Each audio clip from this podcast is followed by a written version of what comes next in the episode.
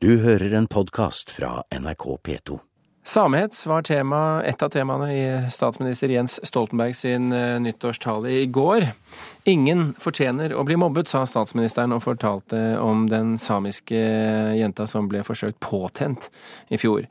Til våren kommer eh, fremmer regjeringen et eh, lovforslag for å stanse hatefulle ytringer på nettet. For nettet flommer over av samehets, ifølge en av de samiske bloggerne som vi har snakket med. Min opplevelse er at nettet flommer over av, eh, av hets, og, og, og, særlig på de sakene jeg følger, som er de samiske sakene, så ser jeg at samehetsen er, er voldsom i volum. Pål Hivan er samisk blogger og kommunikasjonsrådgiver. Han følger med på samiske nettsteder og vanlige nyhetssteder. Han har sett mye netthets det siste året. Det negative knytta til eh, samisk kultur er så stort og, og, og eh, enhver artikkel om ethvert samisk tema er på en måte en, en, eh, en honningkrukke for disse eh, rabiate debattantene. Her hjemme ble fjoråret preget av modige mennesker. Og i nyttårstalen til statsministeren så ble ei av de som sto opp mot hets, ei samisk jente, trukket frem. Også samiske Eliane Nystad viste mot. Hun ble trakassert og forsøkt påtent av en guttegjeng.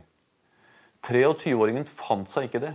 Og statsministeren minner om lovforslaget mot hatefulle ytringer, som regjeringa fremmer nå til våren.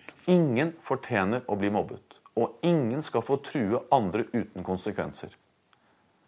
Derfor vil regjeringen at hatefulle ytringer på nett skal straffes.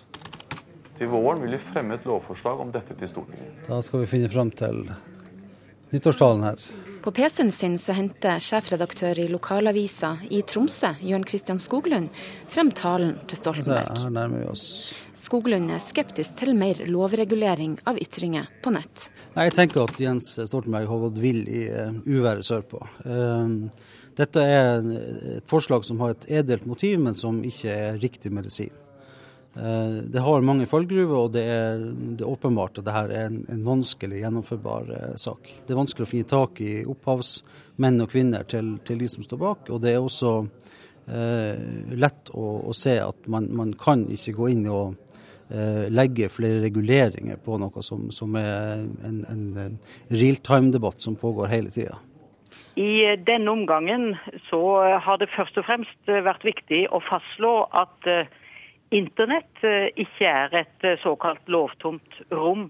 Justisminister Grete Farmo forklarer at eh, forslaget går ut på at hatefulle ytringer og oppfordringer til straffbar handling på internett skal kunne straffes. Og Det vi nå gjør, er å hindre at slike ytringer kan fremsettes, f.eks. ved bruk av blogger på internett internett. Hvordan praktisk vil dette være gjennomførbart? Altså Mange ytringer på nett er jo anonyme. Ja, eh, det er eh, viktig å eh, likevel understreke at den slags motiverte uttalelser til kriminalitet er uakseptabelt, og at politiet derfor må iverksette etterforsking også i denne type saker. Eh, jeg tror ikke det er mulig å stoppe enhver rasistisk eller hatsk ytring. Eh, den vil komme i en eller annen form på en eller annen arena. Eh, og jeg tror at man, man må heller akseptere at grumset får komme til overflata, nettopp for at det skal få et ansikt, og for at man skal kunne bekjempe det. Reporter i Tromsø, det var Karoline Rugeldal. Anine Kierulf, stipendiat ved Institutt for offentlig rett ved Universitetet i Oslo. Hva er straffbart å si på nett? Ja, det er veldig mye som er straffbart å si på nett allerede. De fleste ting som er straffbart å si generelt, eh, det er også straffbart å si på nett. Eh, grunnen til at vi nå får dette lovforslaget, som jo presenteres som noe nytt, men som for så vidt har vært i, i emming i høst og vel er eh, oversendt Stortinget alt, så vidt jeg vet, det er jo at siden straffeloven av 1902 er utformet slik den er, så er det enkelte straffebud med et sånt offentlighetstillegg. Som etter en kjennelse i høst ble klart at ikke ikke eh, ville bli rammet hvis disse ytringene var fremsatt på nett. Så det prøver man nå å bøte på. Det er jo eh, noe man kunne ha bøtt på. Fordi at nettet ikke var offentlighet, liksom? Ja, fordi da var det da ved trygt skrift eh, og noen måter å skape trygt skrift på som var oppramset. Og fordi vi har et legal, strengt legalitetsprinsipp som det heter på strafferettens område, at det må være veldig klart lovfestet for at det skal kunne straffes, så kom Høyesterett frem til at dette ikke ble omfattet. og Derfor så gjør man noe nå med det. Dette har allerede ligget klart fra Stortingets side siden 2005, da man ble klar over at eh, denne offentlighetsbestemmelsen var utdatert på dette punktet. Men fordi straffeloven av 2005 ennå ikke er trådt i kraft pga. Ja, det er vel politiets datasystemer som stadig fremheves fra regjeringens side, så, så har man nå gått til et sånt hastetiltak da, for å få til at akkurat dette punktet blir utbedret. Men hva er utfordringene rent juridisk å lage lovregler mot hatefulle ytringer? Altså, hatefulle ytringer, Den type ytringer som nettet flommer over av, og som er mest eh, karakteristisk for disse mobbingene og både ærekrenkelser og sjikane og hatefulle rasistiske ytringer, de er allerede forbudt, og de er allerede forbudt også på nett. Eh, sånn at Problemet her er jo hvordan de følges opp. Da har man en praktisk problemstilling som eh, de var inne på her i innslaget, nemlig hvordan forfølger man anonyme ytrere på nett. Det er vanskelig. Eh, men så er det jo en, en, en, helt annen problemstilling som for så vidt også er praktisk, da, men det er jo politiets ressurser. Da. Så i hvilken grad prioriteres dette?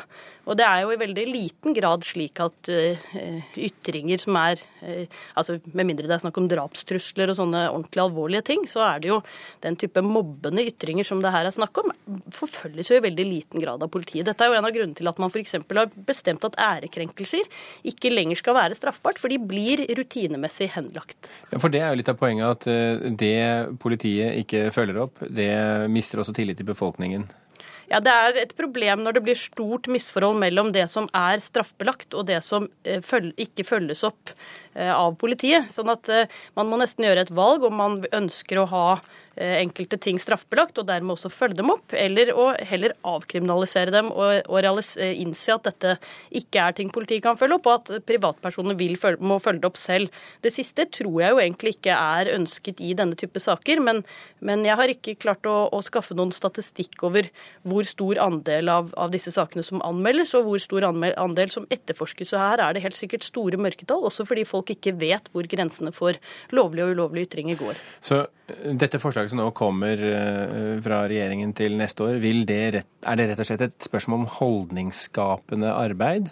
Eh, eller, eller tror de fullt og fast på at politiet kommer til å følge det opp? Jeg sitter ikke i hodet til regjeringen, så det kan jeg ikke svare Nei, men på. Men det er viktig. Det. Jeg, jeg jo, altså, det som er fint med det, er jo at man får en oppmerksomhet omkring dette.